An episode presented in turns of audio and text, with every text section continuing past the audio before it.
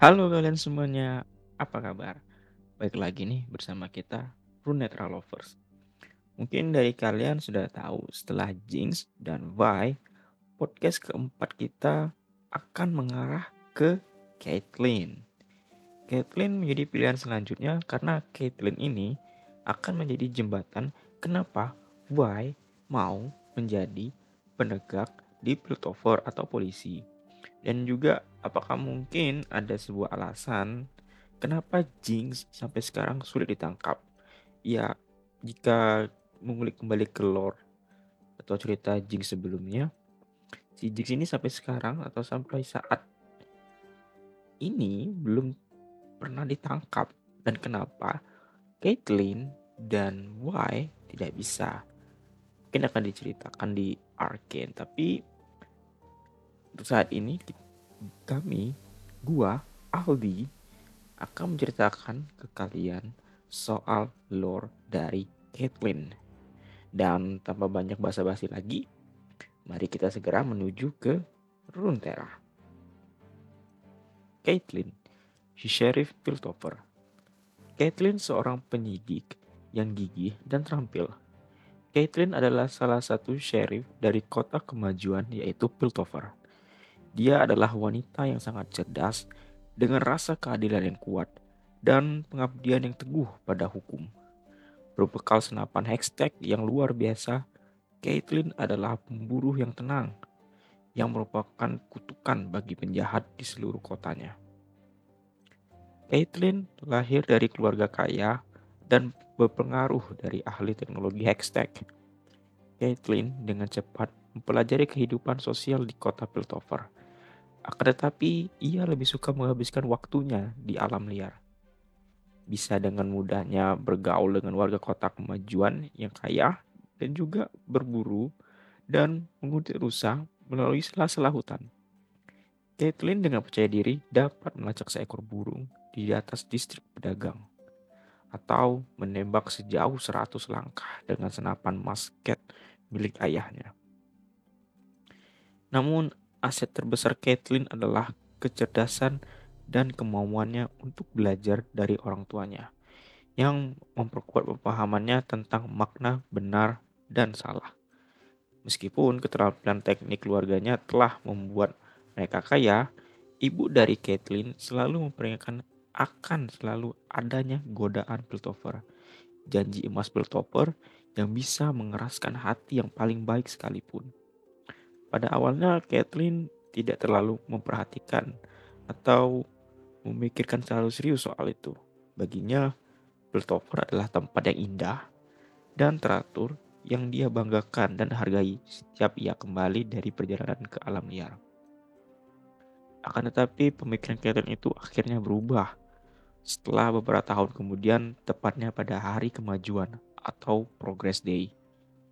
Caitlin seperti biasanya kembali dari perburuannya dan saat ia mendapatkan dan menemukan rumahnya telah digeledah dan kosong, semua orang di dalam rumahnya telah meninggal dan tidak ada jejak akan orang tuanya.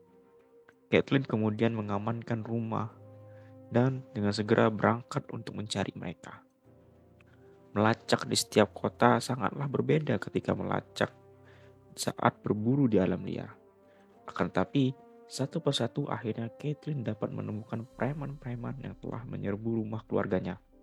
Preman-preman tersebut tidak ada yang tahu akan identitas individu yang memperkerjakan mereka. Hanya sebuah proksi dengan inisial C. Meski begitu, jejak akhirnya membawa Caitlin ke laboratorium Hextech, di mana laboratorium ini adalah laboratorium rahasia yang ternyata ada ibu dan ayahnya yang dipaksa bekerja untuk klan pedagang saingan orang tua mereka. Dan si Kathleen kemudian menyelamatkan kedua orang tuanya. Pengawas Piltover yang bertindak berdasarkan informasi yang diberikan oleh Catherine kemudian menangkap pemimpin klan di balik penculikan itu. Meskipun tidak ada jejak yang dapat ditemukan dari inisial C yang misterius itu. Caitlin dan orang tuanya mulai membangun kembali kehidupan mereka. Tetapi ada satu dasar pemahaman yang telah berubah. yang berubah dalam diri Caitlin. Ia sekarang menyadari bahwa ambisi dan keserakahan sama mematikannya dengan binatang buas yang ada di hutan. Mereka bersembunyi tepat di bawah lapisan berkilau Piltover. Caitlin melihat sekelilingnya bahwa ada orang-orang yang membutuhkan bantuan. Dan dia tahu bahwa dia bisa membantu mereka. Meskipun dia sangat mencintai orang tuanya, Caitlin tidak memiliki keinginan untuk mempelajari perdagangan yang selama ini dijalankan oleh keluarganya.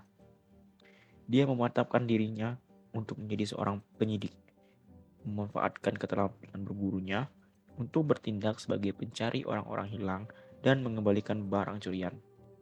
Saat ulang tahunnya yang ke-21, orang tua Kathleen menghadiahkan senapan hextech dengan kecerdasan buatan yang luar biasa, dengan akurasi yang lebih tinggi daripada senapan apa pun.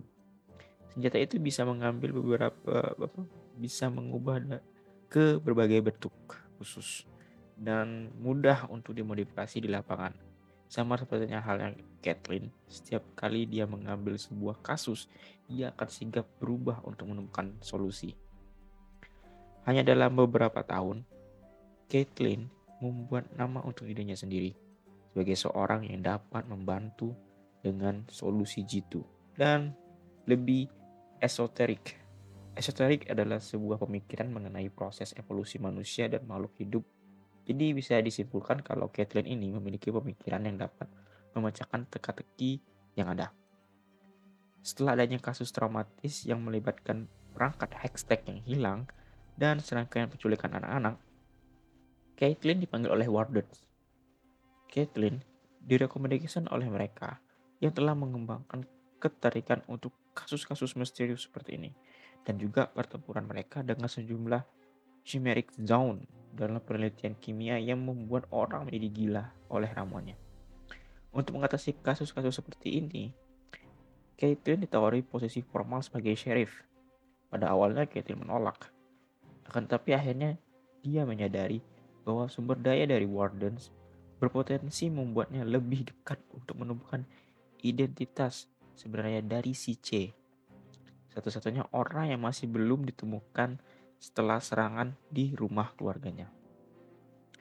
Caitlin telah menjadi perwira yang sangat dihormati dalam jajaran pengawas Piltover atau bisa dibilang ini polisi. Menjaga ketertiban di kota kemajuan Piltover, Caitlin baru-baru ini bermitra dengan rekrutan baru dari Zaun, yaitu Bai, seorang wanita yang kurang ajar dan ceroboh. Awalnya gabungan mereka berdua ini tidak akan berhasil, namun akhirnya terbukti sangat efektif. Oke, itu tadi cerita lore dari si Kathleen, si sheriff dari Piltover. Ya agak sedikit pendek, bisa dibilang cerita dari lore ini. Namun cerita tersebut memberikan alasan kenapa Kathleen terjun ke dalam kepolisian atau menjadi seorang penegak hukum di Piltover bersama dengan Bai. Namun, belum diketahui pasti bagaimana bisa Y bekerja sama dengan si Kathleen dan kenapa kolega Kathleen menyetujui Y bergabung dengan mereka. Harusnya pasti ada drama, maksudnya itu nggak mungkin kolega-kolega Kathleen menyetujui begitu saja. Y yang dari Zone, dari seorang penjahat di Zone, bekerja sebagai seorang polisi di Piltover dan terlebih adalah tangan kanan dari si sheriff itu sendiri, Caitlin. So, nantikan acara Arkin buat mengetahui lebih dalam alasan-alasan dibalik semua cerita-cerita dari para champion dari Piltover dan Zone, khususnya si Jinx dan Vi pada tanggal 6 November nanti hanya di Netflix dan dapat juga kalian tonton di arcane.com untuk episode perdananya atau X1-nya. Jadi hanya X1 episode 1 saja di Arcane yang kita bisa tonton secara gratis, secara bisa di arcane.com. Kalau untuk melihat Act 2 dan Act 3-nya atau episode 2 dan 3 bisa ke Netflix atau ke streamer uh, streamer yang memang diizinkan oleh Riot untuk um, apa namanya untuk melakukan restream. Biasanya itu di Twitch ya. Kalau nggak tahu kalau di YouTube siapa yang dapat apalagi Indonesia siapa yang dapat youtubernya Indonesia konten kreator untuk bisa menanyakan acara rakyat oke? Okay? sampai berjumpa lagi di cerita dunia League of Legends berikutnya. Stay safe and keep calm gua Aldi. Salam hangat. Bye bye